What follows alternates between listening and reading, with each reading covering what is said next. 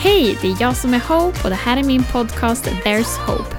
Det här är en podcast om livet och relationen med Gud och vad man kan få vara med om när man lär känna Jesus. Jag delar händelser och tankar från mitt eget liv och bjuder även in någon spännande gäst här och var. Så om du är nyfiken på hur jag blev totalt helad från kronisk huvudvärk och utmattning, hur jag och min man fick ett hus när vi satt i en flyttbil, eller om du bara är nyfiken på det övernaturliga vardagliga livet med Gud, då har du hamnat helt rätt. Hallå, hallå och välkomna tillbaka till podden There's Hope. Hoppas att ni har haft en bra start på den här dagen och att ni liksom känner att ja, nu är det ändå snart helg för att podden släpps ju på torsdagar så imorgon är det ju faktiskt fredag för er som lyssnar. Och det är väl ändå härligt. Jag tycker att när man jobbar liksom på vanliga jobb då när man hamnar sådär torsdag, fredag, då är fredagen ändå ganska trevlig att jobba på för att då vet man att då är det snart helg. Dessutom så brukar folk vara lite sådär härligt glada på fredagar på jobbet. Särskilt om någon har bakat till typ fredagsfikat. Det finns ju sådana arbetsplatser där man har någon som bara, ja men man vet att, ja, Bettan hon bakar till fikat och då är det också extra härligt med fredag på jobbet. Så ja, om du har vaknat idag och känner bara så här att åh, är inte den här veckan slut snart? Så tänk att det är bara fredagen kvar. Sen är det helg. Idag tänkte jag berätta ett vittnesbörd som handlar om perspektiv och hur vi själva kan snöa in och se på saker och hur Gud kan se på samma situation med en helt annan vy.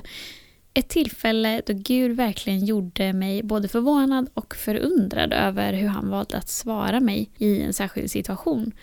Och det var inte alls hur jag hade förväntat mig att han skulle svara, men så mycket bättre än jag hade förväntat mig. För er som har hört tidigare avsnitt så minns ni kanske att jag har berättat att jag och min man bodde i Stockholm för några år sedan.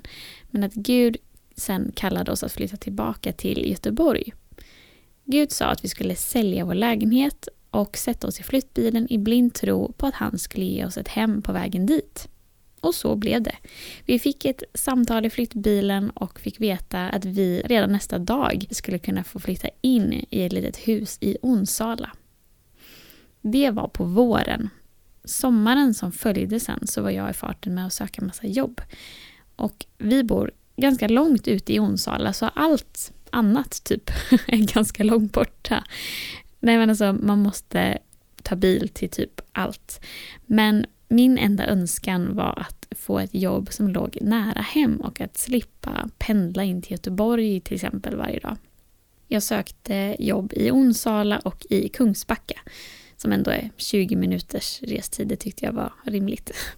Jag fick några olika intervjuer och fick väl i princip två jobb som jag visste att jag kunde tacka ja till. Men problemet var att jag hade inte frid över någon av jobben. Det första jobbet jag gick på intervju på kändes bara okej, okay, det här är inte min drömchef på något sätt, för att uttrycka det milt. Men efter att ha gått på intervju nummer två så kändes den första chefen ändå helt okej. Okay. Och det säger ju en del om den andra intervjun. Jag kontaktade den första chefen igen och försökte förhandla lite om lönen. Och vi pratade och vred och vände och jag fick en bra lön och efter en stund så kände jag ändå att, ja, att jag kunde tacka ja till det här jobbet. Och vi la på och jag gick in från trädgården där jag hade stått och pratat i telefon och berättade för min man att jag hade fått jobbet. Och att jag hade fått en bättre lön än utgångsläget. Men jag kände noll glädje. Jag hade precis fått ett jobb och jag borde vara glad och vilja fira för att ett jobb är verkligen inget man ska ta för givet. Men det var bara någonting som inte stämde. Och jag förstod inte till en början men sen insåg jag att det var Guds frid jag saknade. Och i olika situationer och beslut så tror jag att Guds frid är en av de bästa vägvisarna vi kan gå efter. Jag tror att det är så han ofta leder oss. För när vi flyttade till exempel så fanns det inga logiska förklaringar till hur allt skulle gå ihop med att sätta sig i en flyttbil utan att ha boende när vi kom fram. Men vi kände Guds frid hela tiden. Och han hade gett oss bibelord att gå på. Och han bekräftade det trosteg vi skulle ta med sin frid. Ja, vi gör alla misstag i livet och ibland så tror vi att vi inte har någon annan utväg än att just bara köra på och trampa rakt i klaveret. Ungefär så var det för mig där och då. Jag körde på och tog det här jobbet. För jag hade ju inget annat jobb, kände jag, som jag kunde ta. Och jag kom dit och började min första dag, min andra dag, min tredje dag och så vidare. Och det blev en mardröm jobbet som jag hade tänkt låg nära hem på cykelavstånd och som bara var en sommaranställning lät så bra i teorin och i mitt logiska tänkande. Men jag började känna att jag var ute på egna vägar och inte Guds. Jag behöver inte gå in på allt som var fel med det här stället men det slutade med att jag verkligen ville säga upp mig. Och jag kände ju att jag hade gjort ett stort misstag i att ta jobbet eh, redan från början och jag var nog rädd att göra ännu mer fel. Så just det här med uppsägningen blev en grej som jag bara var tvungen att ha svar från Gud om. Och mina böner lät ungefär Gud, jag vet att jag har gjort ett misstag. Hur ska jag ta mig ur det här? Är det okej okay att jag säger upp mig innan anställningen är slut? Eller måste jag vara kvar här? Trots att jag mår så dåligt och vantrivs varenda minut. Snälla ge mig svar eller tecken. Får jag säga upp mig? ja, jag var nog rädd att göra fel ännu en gång och att Gud skulle bli besviken på mig och att den röra jag ställt till med skulle bli ännu värre. Men jag bestämde mig för att söka Gud tills han svarade mig. Tills han gav mig någonting. Så i tre dagar så sökte jag Gud i hans ord, i bön och i predikningar som jag såg på Youtube. Och hör här. Gud talade. För när vi söker honom så ska vi finna honom. Det säger han själv. Tror ni att jag fick ett klart och tydligt Ja, varsågod, säg upp dig i ett hörbart ljudmeddelande från himlen? Nej. Istället så började Gud att lyfta min blick upp ur det där navelskåderiet som jag höll på med. Mitt fokus var litet och snävt och Gud ville tala om något större. Något annat än den där arbetsplatsen. Han svarade mig med att börja undervisa mig i vad han har kallat mig till här i livet. Alltså, jag var helt tagen. Och är inte det lite typiskt Gud ändå, tänkte jag sen. I en predikan som jag såg då hade till och med en av predikanterna sagt så här ordagrant. You didn't come to Jesus because you need a job. He's trying to change something way bigger than you're worried about. He's trying to show you why he put you in the earth. Aha, okej. Okay. Det var där fokuset borde ha varit. Jag lyfte blicken och möttes av den kärleksfulla fadern som förresten inte alls var besviken på mig. Han visade mig vad han hade för tankar och planer och vad som var viktigt i mitt liv.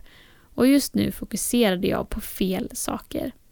Jag fick se Guds perspektiv och plötsligt föll en sten av oro och ångest av mina axlar. För jag insåg att det spelar inte så stor roll om jag är kvar till den här anställningen är över eller inte. För Gud har helt andra planer för mitt liv ändå. Och det här kommer inte vara den sommaren som definierar mig ändå. Skönt! Låt mig förtydliga bara. För självklart är det inget fel i att fråga Gud om jag skulle säga upp mig eller inte. Gud bryr sig om allt vi ber om och han vill leda oss i precis varje steg. Men genom att visa mig hans perspektiv på hur han såg på mitt liv i den större bilden och vad jag borde fokusera på så förstod jag att min oro över den här uppsägningen var meningslös. Jag skulle ju inte ha varit där från första början ändå. Jag kunde välja själv helt enkelt. Säg upp dig eller inte min dotter, men kom ihåg vart vi är på väg och vilken resa vi är på i det stora hela. För att citera Jona kapitel 2, vers 3. Jag ropade till Herren i min nöd och han svarade mig. Så jag sa upp mig. Och det var inte kul. Det var som att riva av ett plåster riktigt långsamt. Men efteråt kändes det helt rätt.